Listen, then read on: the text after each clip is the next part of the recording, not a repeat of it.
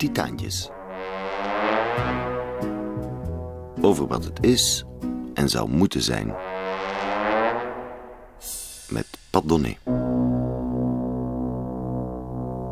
Er zijn schilders, zegt Picasso in een van de 10.000 biografieën over hem, die de zon in een gele vlek veranderen. Maar er zijn anderen, ze zijn zeer zeldzaam, die dankzij hun kunst en intelligentie een gele vlek in de zon veranderen. En Picasso, dat is bekend, deed wat niemand anders kon. Hij zette met één penseeltrek het universum op doek. Azijnpissers noemen zo iemand gemakkelijkheidshalve een charlatan. Beschaafdere exemplaren houden het even gemakkelijkheidshalve op een genie. Ach, words, words, only words.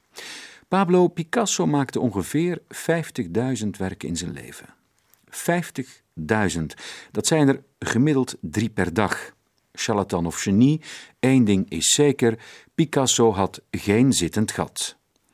Mijn invité vandaag is zot van Picasso, maar ook van Rubens, Rembrandt, Van Eyck en ze hebben allen dat zittend gat gemeen, of beter, een gebrek eraan. Zelf werkt Sam Dillemans zich het pleuris. Twintig uur onafgebroken schilderen, daar draait hij zijn penseel niet voor om.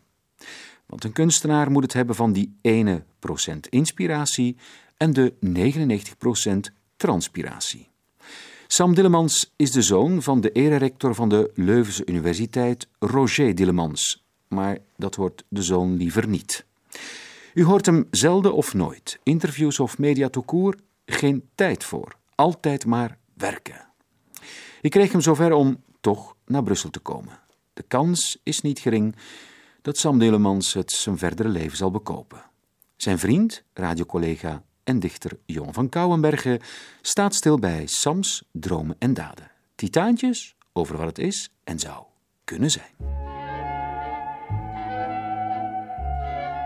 Beste Sam, jaren geleden maakte je een schitterende kleurenzeefdruk met figuren die in Michelangeliaanse poses op een zuiderstrand liggen.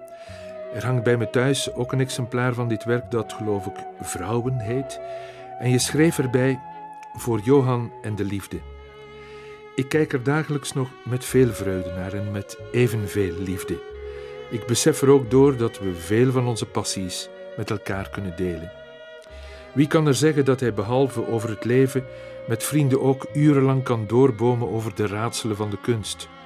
Velen zouden ons voor weirdo's en freaks uitschelden als ons zouden bezighouden over de marterhaartjes van Van Eyck's penselen, hoe we lyrisch kunnen worden bij de triviale verhalen over Van Gogh's afgesneden oorlelletje of de boksmatch tussen Pound en Hemingway. Of ons afvragen wie van Picasso's vrouwen nu weer de moeder was van Paloma.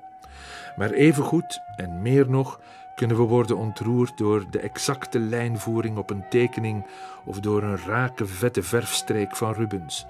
We worden koud van de akelige fijnheid van Rembrandts landschapsetsen of van de zotte doorvrochte staten van zijn kruisiging.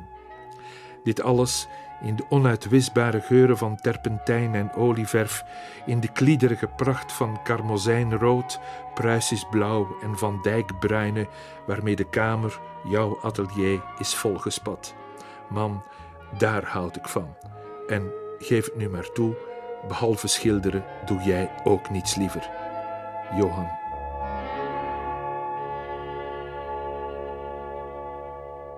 Dag Sam Dillemans. Johan van Kouwenbergen, Clara-collega, criticus, dichter ook, kunstcriticus. Waar hebben jullie het allemaal over met elkaar? Uh, ja, dat is een, een, grote liefde die we uh, toch al jaren gemeen hebben eigenlijk. Uh, misschien al een tiental jaren. hij is de persoon die eigenlijk, moet ik het zeggen, dezelfde, dezelfde waanzin koestert voor de grote meesters en met grote meesters bedoel ik diegenen die de tijd eigenlijk ontstijgen in hun werk. Hè? Die dus losstaan van tijd, ruimte en plaats. En wij kunnen bijvoorbeeld uren spreken over uh, de haarimplanting bij een werk van Durer of uh, Holbein. Uren? Uren, ja. Want uh, Holbein zelf heeft er dagen aan gezeten. Dus Ze hebben nog sober eigenlijk met die uren, denk ik. Maar staan jullie niet helemaal buiten de tijd? Ik bedoel, wie neemt nog in godsnaam de tijd om urenlang naar een schilderij te kijken? Ja, maar dat zegt dan meer over die anderen dan over ons, vind ik eerlijk gezegd. Omdat zij zelf, dus die makers ervan, dat toch tenslotte ook gedaan hebben. En u moet weten, ja, de wereld is ook niet zomaar in alle vlotheid geschapen. En dat ziet je ook aan die tekeningen. Uh, ik vind het heel normaal dat men lang naar een werk moet kijken. Het is ook lang, het, men heeft er ook lang over gedaan om dat werk te maken. Dus het vraagt minstens zoveel tijd om er naar te kijken, om te begrijpen wat er gebeurd is. Het grote probleem is dat mensen te snel voorbij gaan aan het mysterie van een vierkante centimeter op een doek. Jij, jij houdt een pleidooi voor langzaamheid. Mocht er al bestaan. Langzaamheid in het kijken. In het werken misschien ook. Maar die grote meesters hebben allemaal één punt gemeen: ze gingen snel. Omdat ze natuurlijk een enorm bagage achter zich hadden. En hoe groter die bagage is, hoe beter je daarmee kunt uitpakken en hoe vrijer dat je wordt. Hoe kun je nu koud worden van de akelige fijnheid van Rembrandt-etsen? Hoe doe je dat? Ten eerste moet je je onder Rembrandt plaatsen. Dan heb je meer overzicht. Hè? De meesten plaatsen zich ofwel gelijk of misschien zelfs een beetje nonchalant erboven. Van dat hebben we allemaal gehad. Dus dat hebben we niet gehad. Hè? uh, dat wou ik toch even eh, benadrukken. Rembrandt heeft niets met tijd te maken. Dat wil zeggen dat we de tijd moeten loskoppelen als we er naar kijken ook.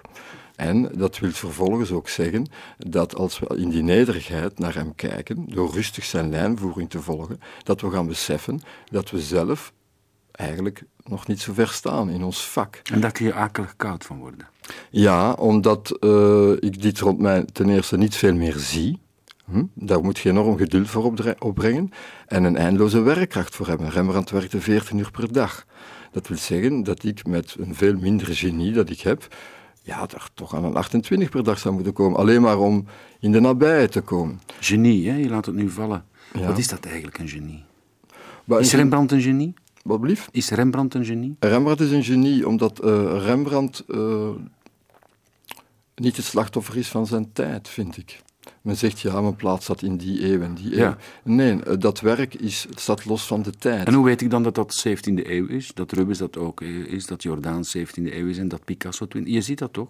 Uh, ik moet eerlijk zeggen dat ik dat minder zie, omdat ik naar schilderijen kijk. Ik kijk niet naar afbeeldingen. Dus als je een engel ziet die Rembrandt geschilderd heeft, hè, er zijn misschien miljoenen engelen geschilderd, en toch is die van Rembrandt zeker overeind gebleven. Dat komt door de manier waarop hij die engel heeft geschilderd. Het licht dat op die vleugels valt, daar zal ik mijn gans leven moeten over doen om dat te begrijpen. Het is dus eigenlijk de ontroering van de manier waarop. Dus als, als je ziet dat Cézanne met enkele appelen de wereld heeft veroverd, en Van Gogh met een korenveld, wat toch wel zeer eenvoudige thema's zijn, dan begrijp je dat het thema toch niet primair is eigenlijk.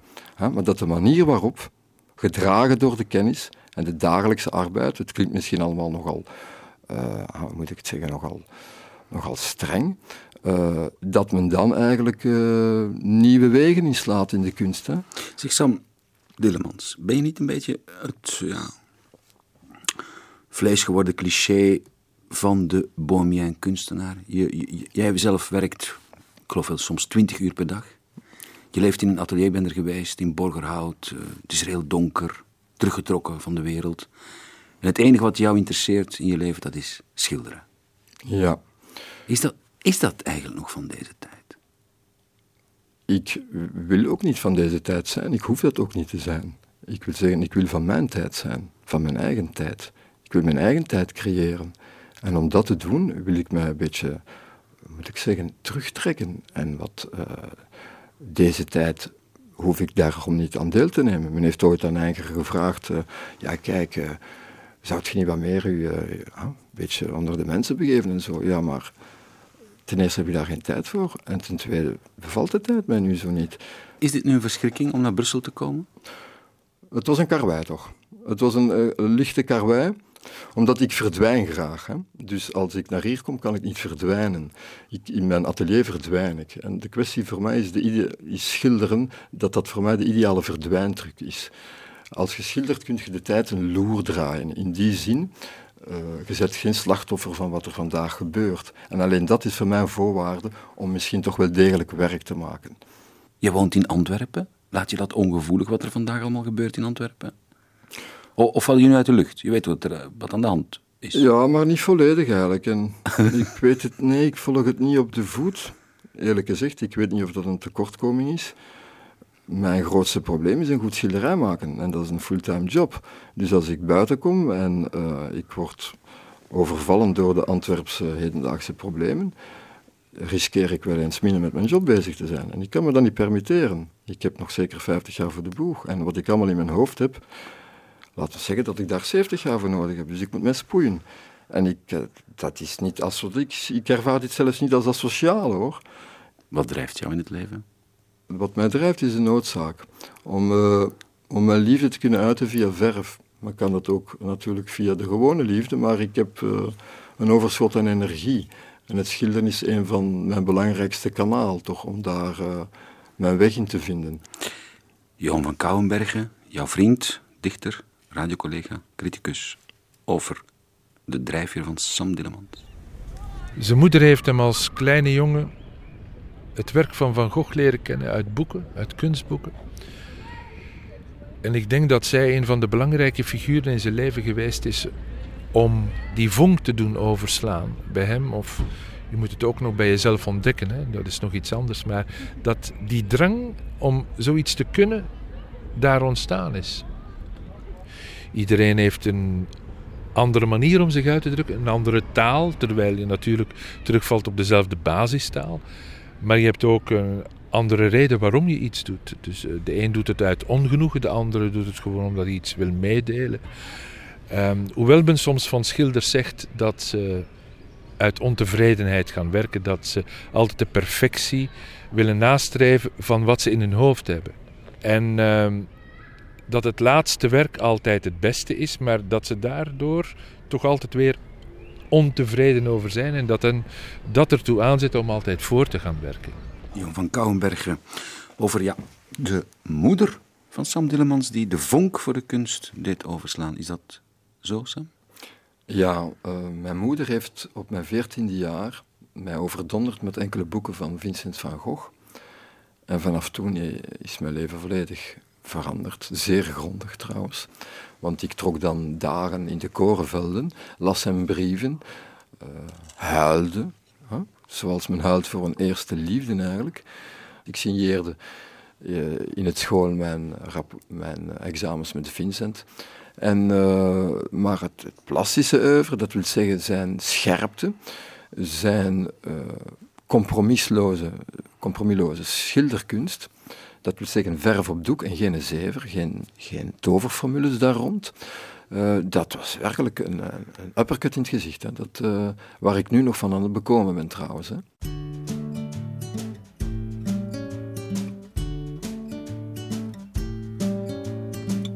Take one fresh and tender kiss. Add one stolen night of bliss. One girl, one boy, some grief, some joy. Memories are made of this. Don't forget a small moonbeam. Fold it lightly with a dream. Your lips and mine to sip the wine. Memories are made of this. Then at the wedding bells, one house where lovers dwell, three little kids for the flavor. Stir carefully through the day see how the flavor stays. These are the dreams that we will savor with his blessings from above. Serve it generously with love. One man, one wife, one love for life. Memories are made of this. Memories are made of this. Memories are made of this. Titaantjes met Padonnet.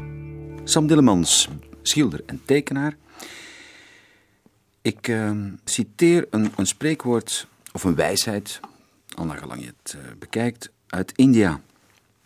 En dat gaat als volgt.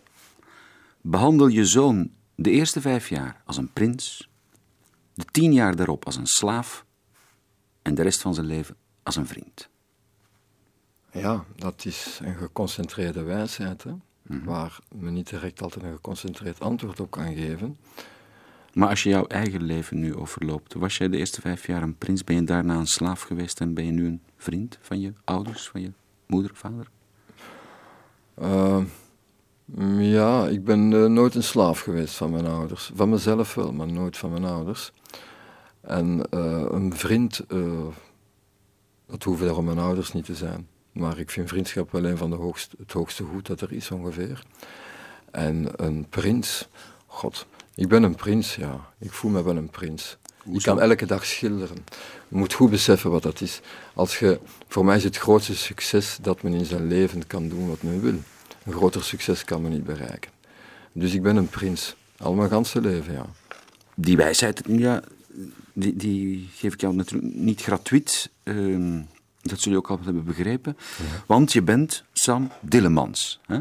En als de naam Dillemans al wat zegt voor de meeste mensen van ons, dan is het omdat jouw vader tien jaar lang rector is geweest aan de Universiteit van Leuven van 1985 tot 1995. Grote naam, man met aanzien, geleerde zouden we dat vroeger hebben genoemd. En de vertwijfeling komt nu al in je ogen, toch niet over mijn vader, maar toch ja, je bent zoon van ook hè. Mijn ervaring is dat anderen er altijd meer problemen mee hebben gehad dan ik zelf. Dus dat is dat alweer minder.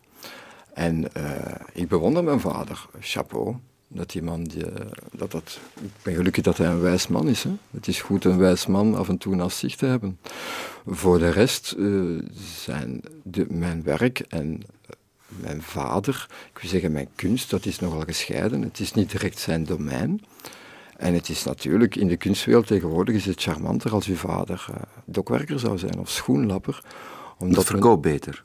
Ja, dat is tegenwoordig uh, handiger. Dat zou handiger zijn. Het heeft een romantisch uh, cachet. Hè?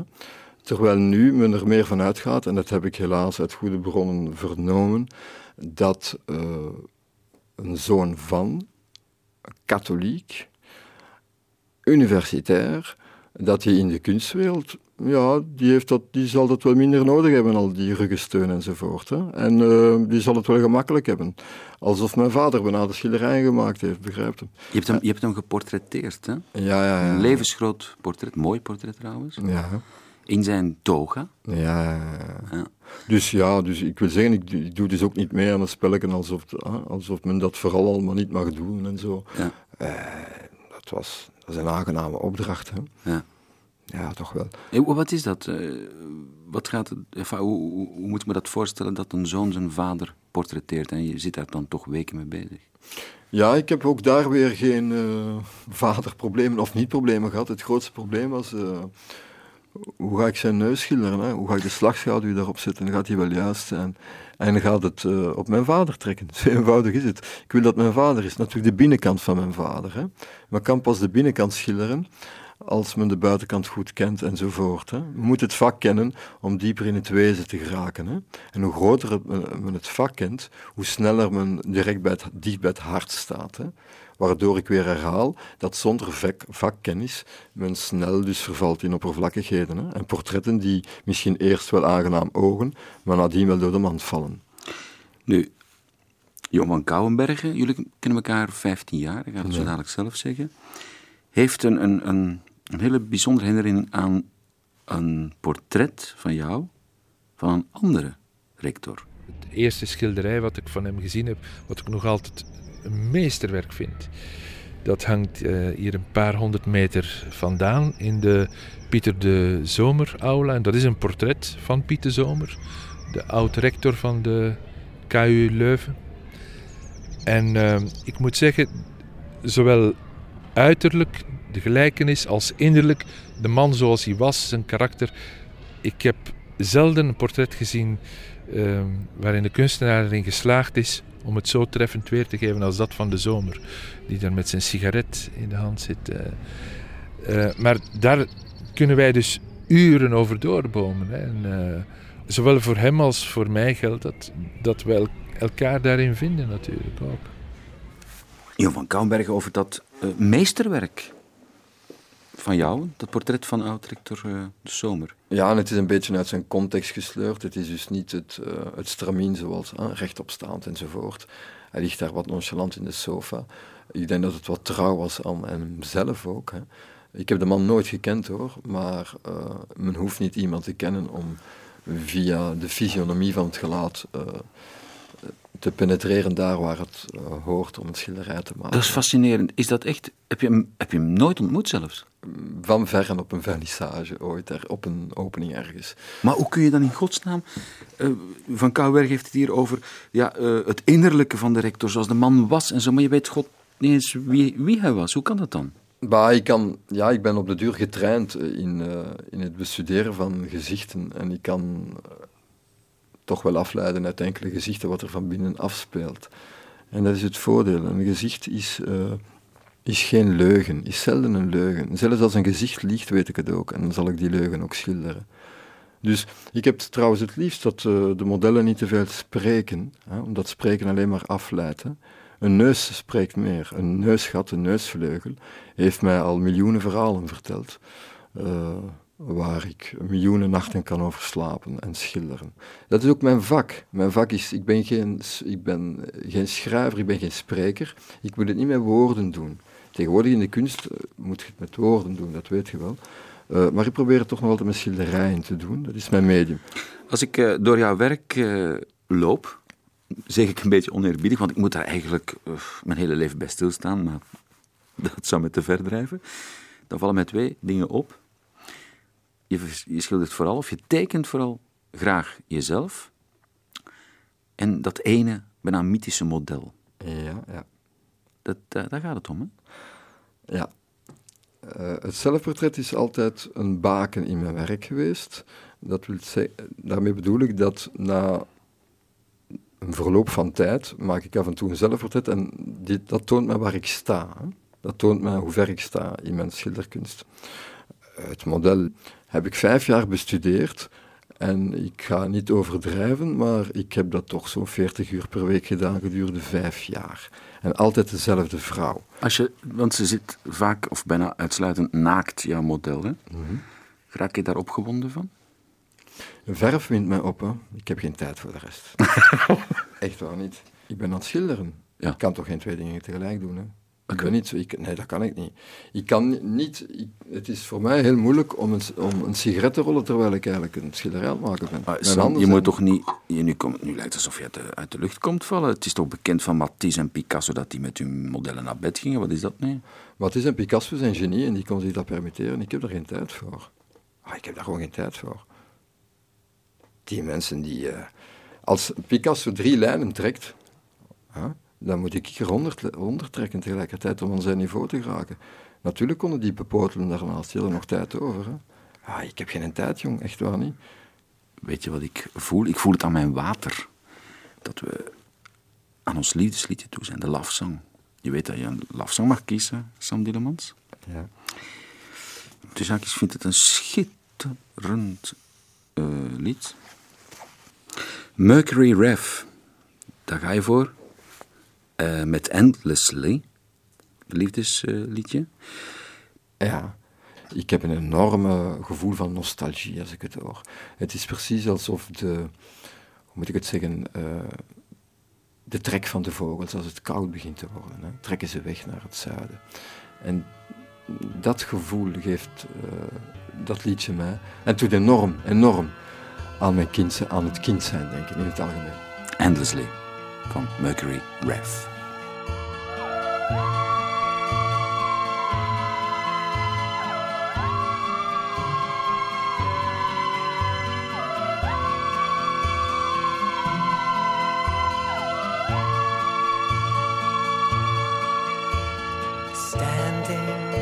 dream, weaving through the crowded street.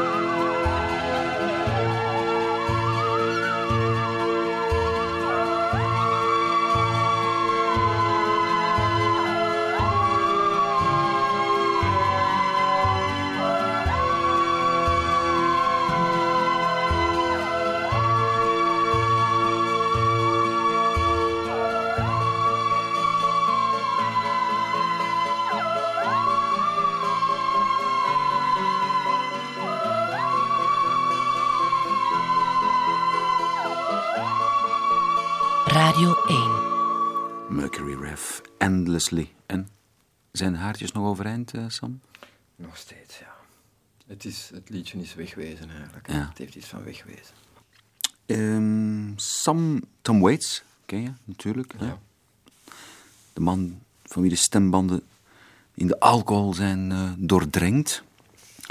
Maar zei in een interview: Ik heb geen drankprobleem, behalve als ik niets te zuipen heb. Sam Dillemans staat droog. Ja, al tien jaar. Ja. Maar daarvoor. enfin, jij moet eigenlijk niet meer drinken voor eh, de volgende zeven generaties. Hè? Ja, ik heb eh, dat probleem opgelost eigenlijk. ik wil zeggen, ik heb mijn deel gehad op dat gebied hoor. En ik heb schitterende feesten meegemaakt, waar ik soms nu nog met een lichte nostalgie naar terugkijk. En het voordeel is dat ik de twee heb gehad. Hè? Dus ik weet wat drinken is en ik weet ook wat niet drinken is. Wat is drinken? Laten we daarmee beginnen.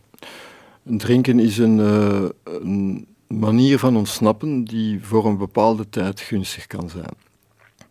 Tot het leidt mm, naar een zekere oppervlakkigheid in het werk, toch voor mij in ieder geval, waardoor ik begon te stranden in goedkope oplossingen en dacht dat die geweldig waren. Maar, eh, Maar heb je echt doorgedronken? Delirium, tremensen gehad? Ja, ik heb heel de, heel de weg gevolgd, ja. Tot, eh, ja, ik heb het, het werk Consequent. volledig afgemaakt. Ja. Ik heb het volledig afgemaakt, ja. ja. Dat is Dus ik- begonnen met een, een onschuldig pilsje en geëindigd in een ontwenningskliniek of zo. Eh, ja, ik was, eh, laten we zeggen, eh, ik ben op mijn zestiende beginnen te drinken en ik was meteen al eh, specialist ervan, hè, een specialist erin. En ik heb dat tot mijn 28 jaar gedaan, dus 12 jaar. Ik heb zelden gespijbeld, zou ik zeggen. Ik heb eh, mijn taak volledig en grondig volbracht. Maar ik werkte dagelijks. Dus ik, ben, ik stond toen op soms met katers die gelijk staan aan een hersenschudding, maar ik werkte. Maar als je dat vroegere werk hè, tot je 28e bekijkt, dan, dan, dan zie ik niet... Enfin, dat is geen dronkenmanswerk, hè? Nee, eh, Of, ik, of, ja, ik kon vrij goed drinken, dat was mijn probleem. Hè. Dus als je het beheerst kunt, natuurlijk, ik was ook geen douche, maar eh, als ik werkte, eh, was ik er toch met mijn kop bij. Tot het einde, dan werd het wel wat moeilijker natuurlijk. Maar het schilderen, de, de liefde, de goesting voor te schilderen is altijd groter geweest dan die voor het drinken. En heeft hij ook altijd in de hoek gedreven. En daarom dat ik ook kon blijven drinken, omdat de andere drang veel groter was. En ik wil nog 60 jaar schilderen. Ik heb de ambitie om toch zo'n 90 jaar te worden. Als je drinkt, is die kans wat kleiner. Ik heb te veel werk, ik kan het mij ook niet permitteren trouwens.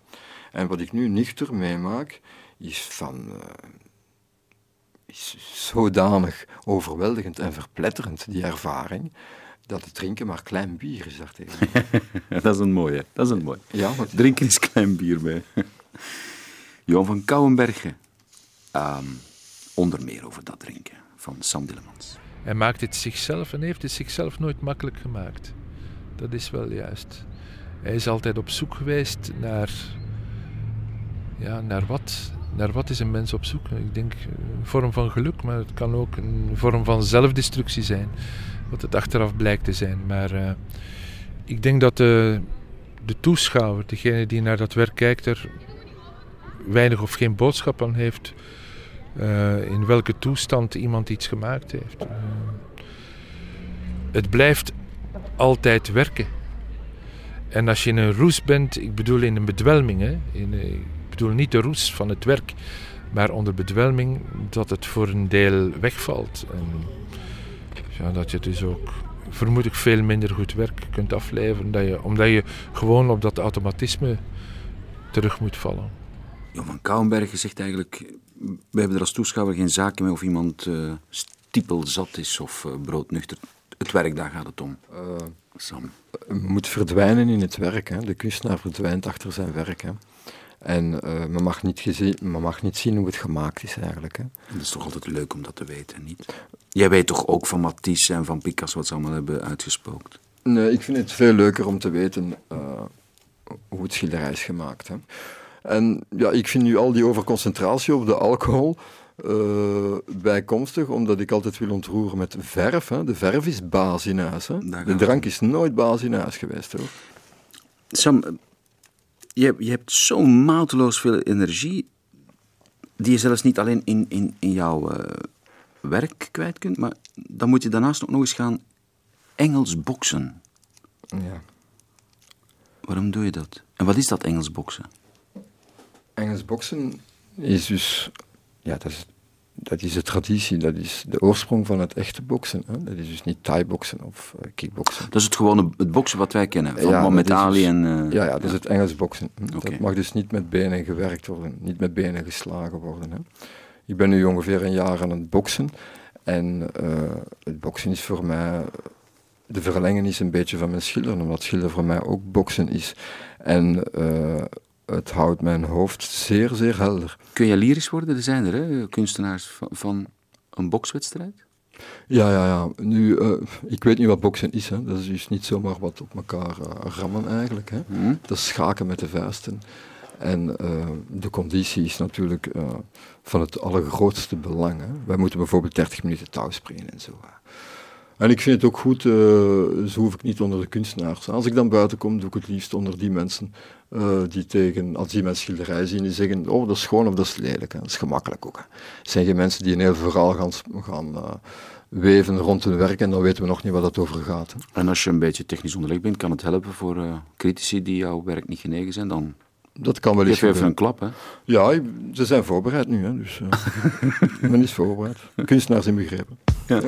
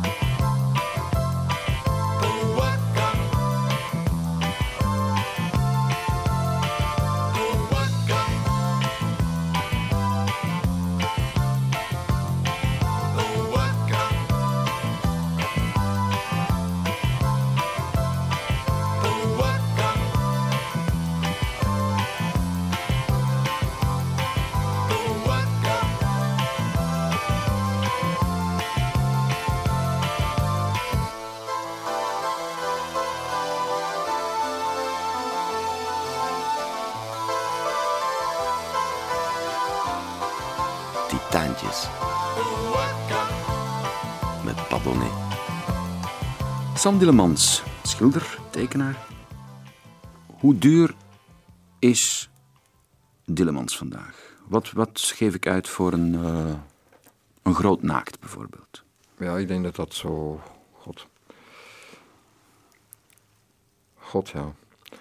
ja, Het zal die zo'n eh, een 100, ja, god, een 150.000 of zoiets zijn zeker, denk ik. euro? Belg, nee, Belgische frank. Aan de euro's zitten we nog niet.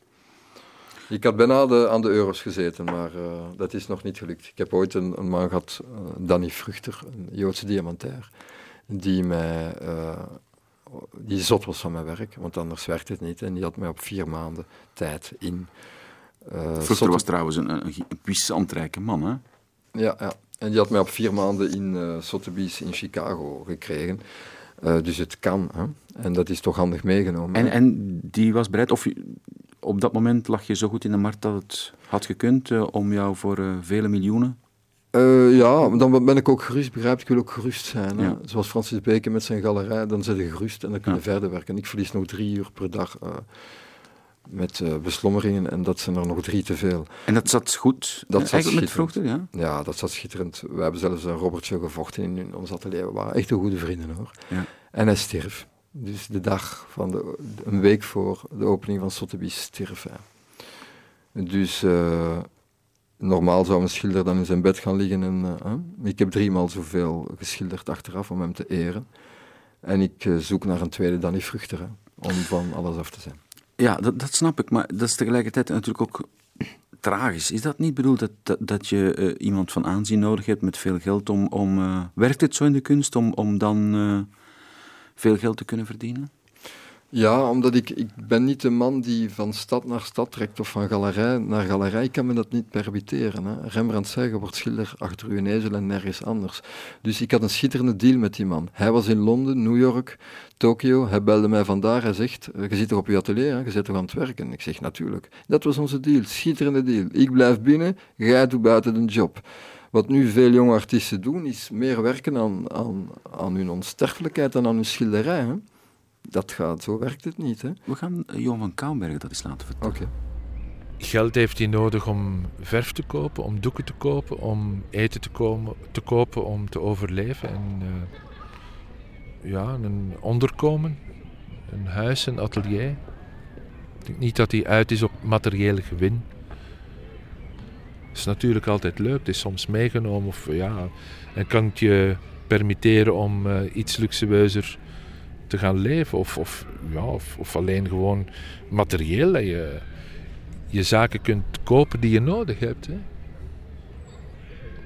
Dat je echt grote doeken, als je grote wil gaan werken bijvoorbeeld, zoals in het geval van Sam, dat je je grote doeken kunt veroorloven. Veel verf, met veel verf kunt smodderen, wat altijd leuk is. Dat ze niet haar fijn moet gaan opleggen, je niet met glacielaagjes of als de fijnschilders, zoals de Vlaamse primitieven moet bezig zijn, maar eh, dat je er rustig kan mee kliederen.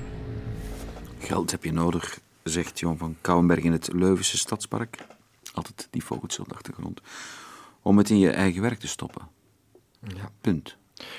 Ja, als dat eh, gelukt is, eh, is alles bijna gelukt. Hè? Ja. Mijn grootste ambitie was om elke dag te kunnen schilderen. Ondertussen speel ik een beetje op de lotto om, eh, stel dat, eh, dat het niet helemaal volledig moest lukken en ik, eh, ik kan dan toch het grote lot winnen, dan ben ik weer een vrij mens hoor, echt waar. En dan kan ik, dan hoef ik zelfs heel de galerijcircus achterwege te laten. En stel ik alleen nog voor de vrienden tentoon, dat is perfect. Wat is jouw levensmotto? Ja, word nooit wakker. Word nooit wakker. Ontwaak nooit. Vlieg. En daarom eh, is het zo zalig om, om bijvoorbeeld tien uur op een kleine ets te werken, in een soort dikkensfeer voor de kachel, en eh, een hele wereld ontdekken daarin. hè. Je moet ook geduld hebben. Hè. Geduld is een kwestie van talent, zei Flaubert. En eh, zoals, of zoals Constable zei, we moeten al die blaartjes toch wel aan de boom getekend hebben, om te weten wat een boom is. En dan vroeg men hem, is dat vervelend? Hij zei, nee, dat is, dat is toch zalig. Dus de anderen vinden dat vervelend. Maar ja, dat zijn degenen die, die eh, moet van de kunst houden. Hè? Goesting is talent, hè. U hoorde Titaantjes. Over wat het is en zou moeten zijn. Met Padonnet.